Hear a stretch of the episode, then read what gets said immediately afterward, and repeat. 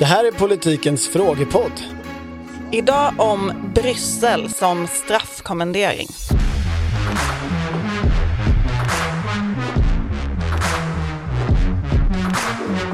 Det blir en bedömningsfråga i sista hand. Vi har fått en fråga från Jesper. Han har tittat på den danska tv-serien Borgen. Och när de i säsong två ska välja en ny EU-kommissionär så säger Kasper, som är spinndoktor, i Bryssel kan ingen höra dig skrika. I Bruxelles kan ingen höra dig skrika. När de ska välja sin EU-kommissionär så har, har de en diskussion kring, ska de välja någon som de vill bli av med eller ska de välja någon som kan göra ett så bra jobb som möjligt, få en så tung post som möjligt. Jesper undrar alltså om denna taktik även skett på riktigt historiskt i Sverige.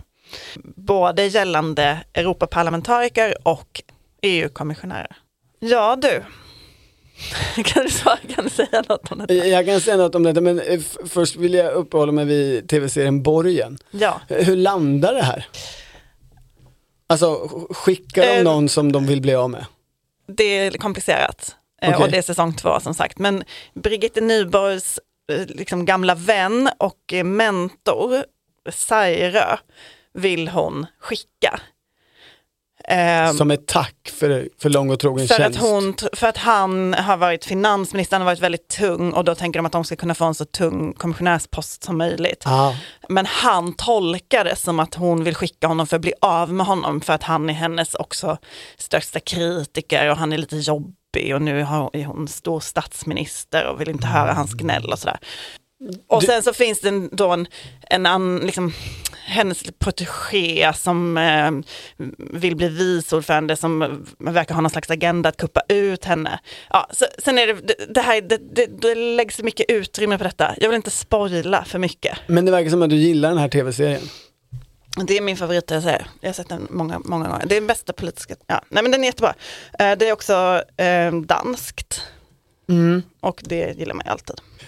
Eh, ja men det där är ju i alla fall fiktion då, om en dans. Eh, verkligheten och den svenska med EU-kommissionärerna, så är det ju så att vi har inte haft jättemånga EU-kommissionärer.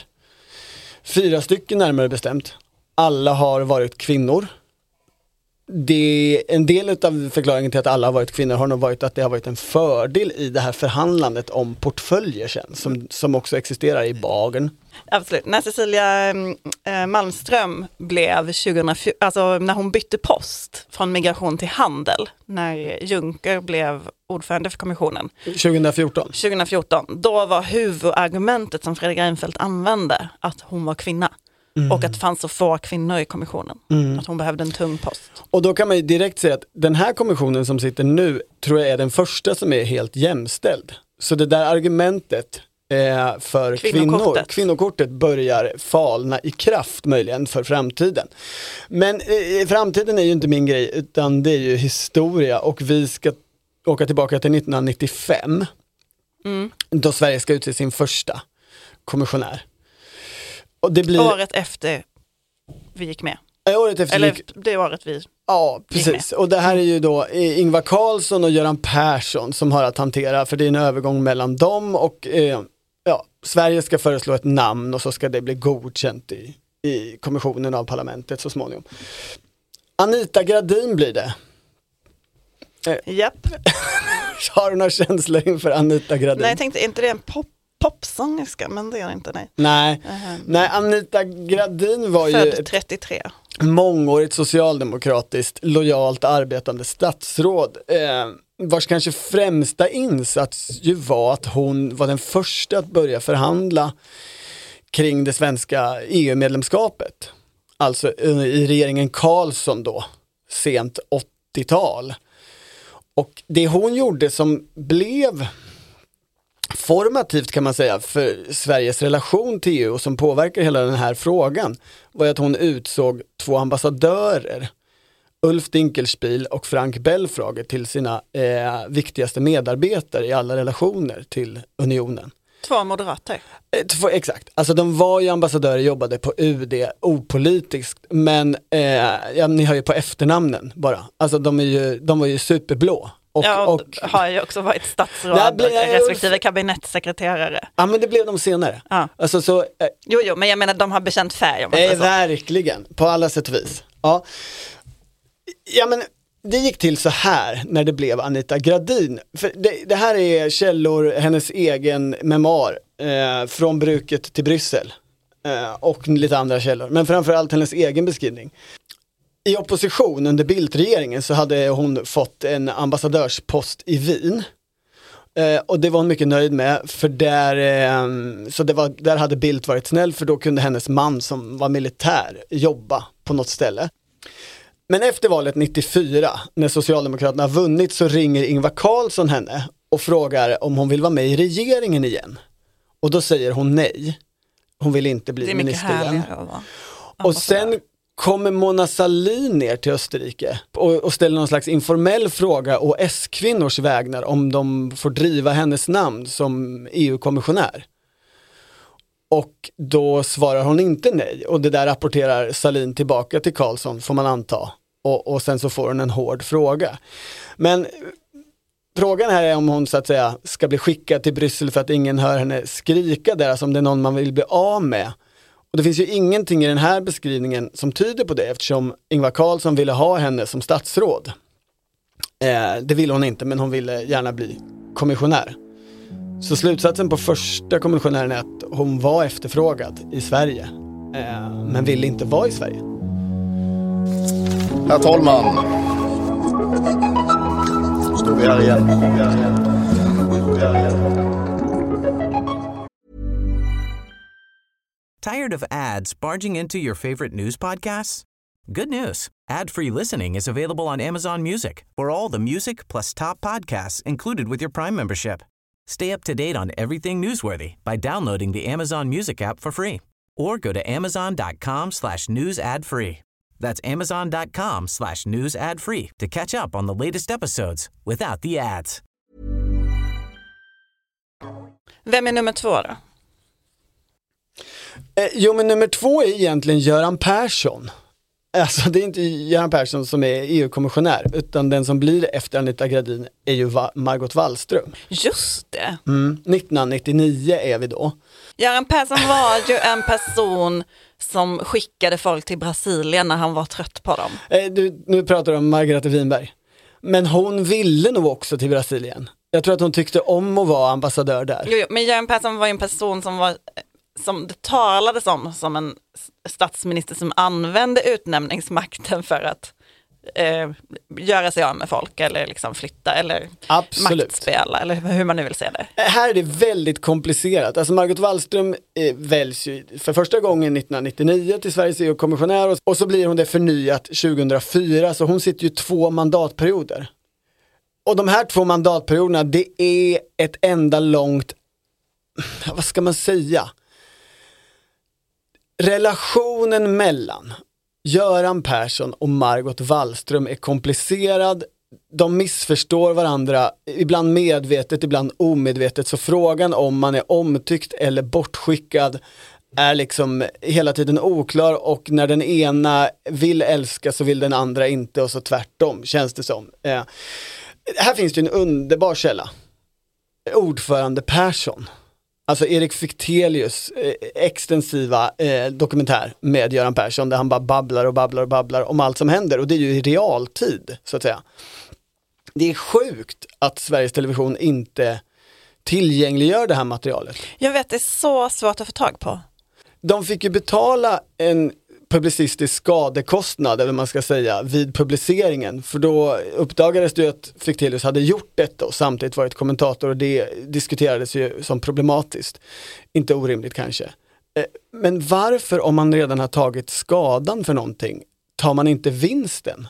Alltså det här är ju ett fantastiskt material som idag är eh, liksom historiskt unikt, men det vill de inte visa. Sjukt är det. Det kanske har med Det kanske finns en, upphovsrätt precis, att göra. det kan ju vara Jag vet en, inte. finnas skäl som du Ja, inte känner till. Erik Fichtelius vill väl ändå att det ska komma ut? Ah, ja. Så här är det. i ordförande Persson. Nu är det februari 1999. Göran Persson har sin monolog eh, och Fichtelius bandar. Han börjar alltså, Persson, ordföranden, med att fråga sig, måste det vara en socialdemokrat? Det var fortfarande en levande fråga i, i det här skedet. Han säger att det inte är säkert, Persson, att det måste vara en sosse, men han vill nog det för att han behöver förankra EU bättre bland socialdemokratiska väljare. Det är ju fortfarande den här liksom efter folkomröstningen splittringen. Så han behöver ha någon som är folklig. Och då rabblar han upp lite namn.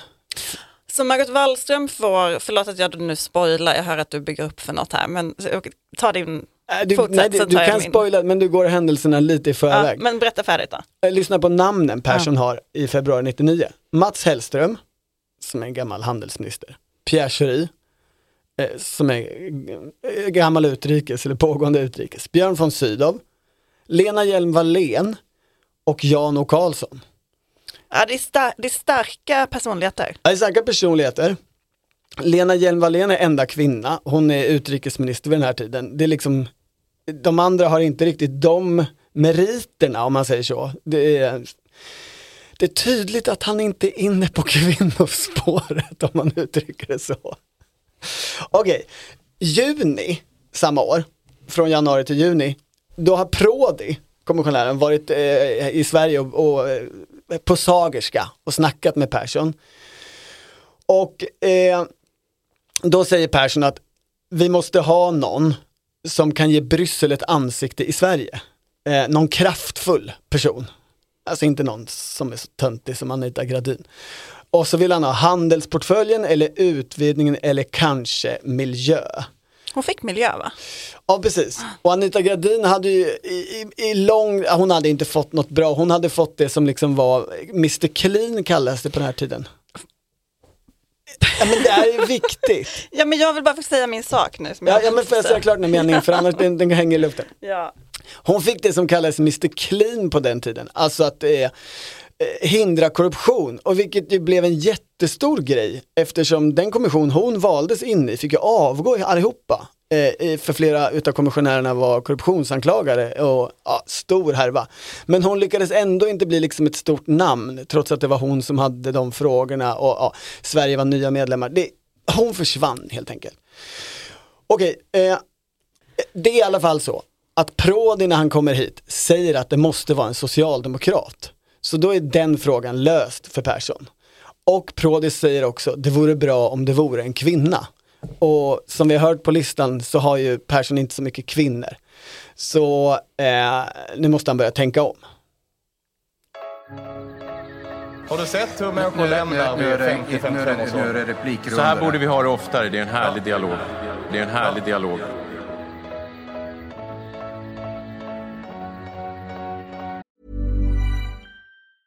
Introducing Wondersuite from Bluehost.com. Website creation is hard, but now with Bluehost, you can answer a few simple questions about your business and get a unique WordPress website or store right away. From there, you can customize your design, colors, and content. And Bluehost automatically helps you get found in search engines like Google and Bing. From step-by-step guidance to suggested plugins, Bluehost makes WordPress wonderful for everyone. Go to bluehost.com/wondersuite. Det är ju kul ur eh, någon slags sosse-intern historia att Margot Wallström då först har fått uppgiften att göra EU eh, populärt eller att ena partiet efter den här stora splittringen. Och att hon sen fick samma roll i NATO-processen. Ja, det är sant. Förankra NATO, få, få partiet att liksom hålla ihop. Ja, det är det verkligen. Margot Wallström blir i alla fall till slut kommissionär för att Persson och Anna Lind ringer och frågar henne. Men sen blir det riktigt komplicerat när hon ska väljas om. För då hävdar Göran Man Persson... sitter ju på fem år Ja, som kommissionär, men Och- man kan väljas om. Ja, och då är frågan, ska Wallström få fortsätta? Och väldigt tidigt innan detta, eh, 2003, så börjar en kampanj av Wallström-människor också offentligt driva Persson måste ge besked till Wallström om hon får sitta kvar en eh, period till. Och Persson vill inte ge det beskedet. Till historien hör ju att i valet 1998 så var liksom Margot Wallström och Göran Persson radarparet som skulle åka runt och eh, valtala. Och hon fick, upplevde medierna, noll utrymme. Han betedde sig som en tölp och ett svin mot henne och sen dess så tänker alla att de hatar varandra. Vilket de, åtminstone Margot Wallström nu också gör. Hon har ju lämnat politiken efter det där valet. Men kommer tillbaka då som kommissionär, för det är ändå ett långt avstånd till Persson.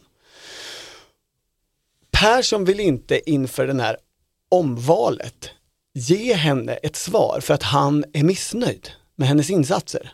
Han vill att det ska vara en annan portfölj. Hon har haft miljön, men nu tycker han att Sverige har inte fått något tillbaks av det. Utan han vill liksom ha en tung portfölj. Ja, och detta blir en evighetslång drama och såpa. Som slutar med att Persson förklarar för Fichtelius varför han vill ha hem Margot Wallström. Alltså han vill inte ge henne förnyat förtroende, säger han, för att han vill ha hem henne till att bli statsråd. För att han vill avgå 2005 innan valet 2006. Och då måste hon finnas tillgänglig i Sverige som efterträdare. Men Margot Wallström vill absolut inte bli statsråd i hans regering. Så här eh, är liksom den här relationen kraschar så mycket. Alltså kontra faktiskt historieskrivningar. Men vadå, så han pekar ut både henne och Anna Lind som efterträdare? Ja, Anna, och i det här skedet så eh, lever ju inte Anna Lind längre. Nähä. För då har vi liksom passerat eh, mordet. Så här, han har liksom Margot Wallström. Eh, och, men de som gillar Margot Wallström, de, tycker ju, de vågar ju inte lita på att hans intention är god mot henne. De tror att hans intention mot henne enkom är negativa. Så slutsatsen som svar på frågan, åtminstone vid omvalet, så är ju Margot Wallström för Göran Persson, enligt Göran Perssons egna uppgifter, en person som han vill ha i Sverige. Hon är inte någon person han vill skicka iväg eh, till Bryssel för att försvinna. Vi har lyckats klara av två av fyra kommissionärer. Kan vi ta oss vidare? Cecilia Malmström då. Hon Ja. väljs 2009. Och sen, Folkpartist. Exakt, och så väljs hon ju också om 2014. Här är källäget eh, eh, inte lika bra, för det finns inga memoarskildringar och folk har inte skrivit om det här så mycket än. Det intressanta är ju, varför väljer regeringen Reinfeldt 2009 en liberal, eller förlåt, folkpartist? För att de älskar EU. Och varför väljer de inte en moderat? Och undersökningar eh, visar, undersökningar utförda av mig, visar på följande hypoteser i alla fall. Malmström var ju vid det här skedet EU-minister. Ingenting, ingenting tyder på att Reinfeldt var missnöjd med henne som det. Eh, hon efterträddes ju sen av Birgitta Olsson, så det var en till, en till folkpartist bara. Eh,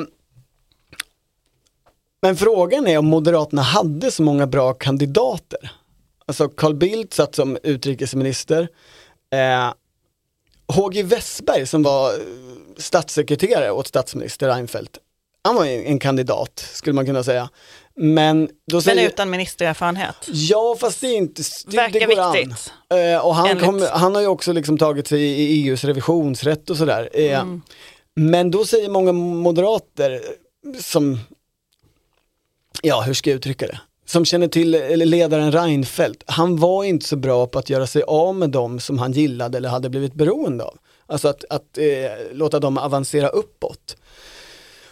Eh, utan den kandidat Moderaterna kanske hade var väl Gunnar Hökmark som då var EU-parlamentariker inne på sin andra period. Och det var ju en person som Fredrik Reinfeldt av kanske flera skäl absolut inte ville ha som kommissionär. Alltså han stod inte för nya Moderaterna, ingenting sånt. Men eh, Jan Björklund, där talar vi ju också om en person som eh, var mycket skicklig i att placera personer på olika poster för att hålla olika falanger på gott humör och för att själv bevara sitt partiledarskap. Eh, verkligen. Så, och här kan man då tänka, Jan Björklund valdes 2007, det har gått två år. I den processen, när han valdes, så nämndes Cecilia Malmströms namn ganska mycket. Både av journalister men också av partister. Så hon var ju på det sättet ett potentiellt hot kunde vara ett potentiellt hot i Jan Björklunds ögon. Så han kanske ville bli av med henne. Eh, exakt hur de här förhandlingarna gick till minns inte de jag har eh, hunnit nå. Men klart är nog att Moderaterna drev att det skulle vara en moderat, om inte annat för att få upp priset. Och att Liberalerna verkligen ville att det skulle vara en, en folkpartist. Hon blev ju också en ganska framgångsrik kommissionär får man väl säga. Hon blev ju, fick ju också sitta kvar. Ja, åtminstone första mandatperioden blev hon framgångsrik. Eh, att hon blev omvald 2014 är ju kanske ännu konstigare i och för sig. För att då kanske man hade Carl Bildt tillgänglig. Alltså då har han suttit två mandatperioder som utrikesminister och man kunde sagt till honom på våren 14, om vi förlorar valet, vill du bli kommissionär? Men ja. Okej, Ylva Johansson då slutligen var nuvarande kommissionär. Eh, hon var ju arbetsmarknadsminister i regeringen Löfven när hon utnämndes. Mm. Eh, var det 2020? Eller 2019? 2020 var det va? Nej, det var kanske 2019. Hon nominerades i augusti 2019 Ja. och sen blev 2020. Och, ehm, min, eh, mina källor här säger att Ylva Johansson ville verkligen bli kommissionär. Hon Mhm. ville det redan alltså, tidigare, hade offentligt sagt att hon ville det redan 2014. Tror jag, eller om hon hade sagt det internt. I alla fall, det var tydligt att hon ville. Men hon var ju också på många sätt ett jobbigt statsråd för Stefan Löfven. Det här var ju januariavtal. Det var Ja. väldigt mycket som skulle genomföras på hennes område. Det var LAS, det var eh, Just det. Arbetsförmedlingens omstöpning. Ylva Johansson var ju en stark person, Eh, Mm. liksom en stark politiker, eh, mycket erfarenhet, tungt eget mandat, hade Irene Wennemo som statssekreterare som ju liksom supertung inom de här kretsarna. Det var nog inte helt obekvämt för Stefan Löfven att flytta Ylva Johansson till Bryssel, även om hon själv ville det. Sen efterträddes hon ju av Eva Nordmark, som inte alls hade samma politiska tyngd, som ju kom från fack. Man får ju en känsla i den relationen att den utvecklades till det sämre. Alltså Ylva Johansson var ju, uppfattade jag, ganska nära Löfven, eller tung, i, i inledningen av Stefan Löfvens partiledarskap. Men att hon blev mer av ett problem vartefter. I, I vilket fall så är det ju så, det är ju väldigt intressant som du säger att hon anses inte av Löfven vara så viktig för de här viktiga sakerna eller svåra sakerna i januariavtalet. Att man med det som argument säger nej till en kommissionärskandidatur. Eh, för att hon, Nej, snarare får man bilden tvärtom faktiskt, att det sågs som ett plus. ja, Men, men ehm, det är ju så att säga de fyra kommissionärerna, men när det gäller den här bilden av att liksom, i Bryssel kan ingen höra dig skrika, vi skickar folk till Bryssel, det fanns en period då det pratades om att man skulle skicka Hanif Bali till Europaparlamentet, alltså att sätta folk på listorna som man vill bli av med. Det pratas det ju ofta om, Ja. Eh, men frågan är om det egentligen så mycket är så. Alltså det är ju, det är ju eh, det är ju jobb som folk ofta strider om att få. Alltså inom Moderaterna till exempel har det ju varit mycket konflikt kring vem som får vara i Bryssel. ja, När man bytte ut hela gänget. Då var det ju His- många som ville. historiskt har det väl varit mer så och kanske mer i de stora partierna. Alltså det var ju ändå som med Moderaterna under nymoderat-eran. Att så att säga, man accepterar att vi har kvar i partiet en ö utav eh, gamla Bo Lundgren eller Carl Bildt-människor och det är Bryssel. Och där, om det är någon som, som tycker att det är så viktigt så får de väl åka till Bryssel och jobba där. Men och när Alice Bah Kuhnke till exempel blev eh, kandiderade för Miljöpartiet, då beskrev ju hon det som att hon blev ombedd av språkrören att göra det. Hon var ju minister. Men det var ju för att de låg så otroligt dåligt till i opinionen att de behövde ett jättestarkt kort. Och snarare har det väl varit så partierna har jobbat på sistone, att de vill sätta liksom kändisar eller så här, för att det är ett val som folk inte bryr sig så jättemycket om. Ja, och man ser ju en förändring, kanske framförallt generationsmässigt, alltså dels att EU-parlamentarikerna generellt är lite yngre, men också att det är ju flera som har gjort karriär politiskt via Bryssel. Alltså, Jytte Guteland var ju visserligen då SSU-ordförande först. Men sen gjorde hon ju sin politiska karriär via Bryssel. Och lite likadant upplever man ju med Sara Skyttedal nu, att hon ska bygga och växa sin politiska karriär i Bryssel, eller det var så det var tänkt i alla fall, och sen komma hem och vara en, en tung eh, spelare på nationell nivå. Dock är det ju sant att ingen kan höra dem skrika. Alltså man får ju med jämna mellanrum mejl från Centerpartiets pressekreterare i Bryssel som är så här, vi har pressträff med våra parlamentariker som berättar vad som händer just nu. Oklart hur många som kommer på denna digitala pressträff, men man känner liksom att det andas eh, Nej, de har det stor inte lätt. ambition. Eller ta Tobé, moderaten som förhandlade migrationspakten och där eh, folk i Sverige har svårt att förstå vad det ens är han har gjort och varför det skiljer sig från Tidöavtalet. Alltså, svenskarna har ju fortfarande ganska dålig koll på Jag hade ett sånt moment den dagen det här med migrationspakten kom och det blev konflikt och det var stort, så sa ju inte Tobé någonting. Han existerade liksom inte. Och så i cyklade jag, men- var han på Aktuellt på kvällen? Mhm. Ja det såg jag inte. I vilket fall, jag cyklade runt där på Stockholms gator och tänkte på det här och så här funderade på vad, vad ligger bakom och hur har förhandlingen där nere i Bryssel gått till. Och plötsligt på gatan så ser jag en civilklädd, alltså eh, semesterklädd eh, Tobé. Det kan ha varit hans lookalike och jag hann inte stoppa honom. För han, det är en person som gick väldigt raskt, men det, jag tror att det var Tobé. Och då var det som att han liksom gick runt här, men ingen i Sverige brydde sig om honom. Fast han var verkligen egentligen i händelsernas centrum och den dagens viktigaste person. En sak till jag vill säga är också att det ju faktiskt har funnits någon eller några personer nu för tiden som verkligen har gjort sin karriär, alltså som har använt Bryssel och EU-parlamentet som en språngbräda. Isabella Lövin tänker jag på.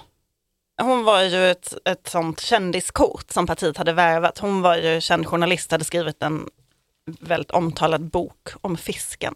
Och Ja. sen värvade de henne. Och sen blev hon språkrör. Ja, och hon blev ju språkbra väldigt mycket på att hon hade varit så framgångsrik i Bryssel. Eller i det valet framförallt. Det var ju det valet då Miljöpartiet blev näst största parti. Det känns ju Just väldigt det. främmande idag. Ja, Men eh, Jesper, eh, jag hoppas att vi eh, besvarade din fråga eller åtminstone gav dig mycket info om Sveriges EU-kommissionärer. Vi får se vem det blir nästa gång, om det blir en moderat eller om det kanske blir en sverigedemokrat. Det är Tidögänget som ska utse ja så är det. 2025. Eller om Ylva Johansson får fortsätta. Björn Söder. Nej. Om du vill ställa en fråga till den här podden, mejla politiken svd.se.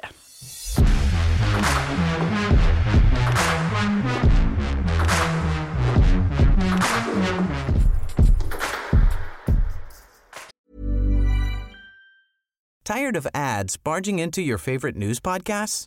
Good news. Ad-free listening is available on Amazon Music for all the music plus top podcasts included with your Prime membership. Stay up to date on everything newsworthy by downloading the Amazon Music app for free or go to amazon.com slash news ad free. That's amazon.com slash news ad free to catch up on the latest episodes without the ads. Du har lyssnat på Politiken, en podd från Svenska Dagbladet. Producent Julia Vreus, ansvarig utgivare Anna Kareborg. Klippen i programmet kommer från tv-serien Borgen som finns på Netflix.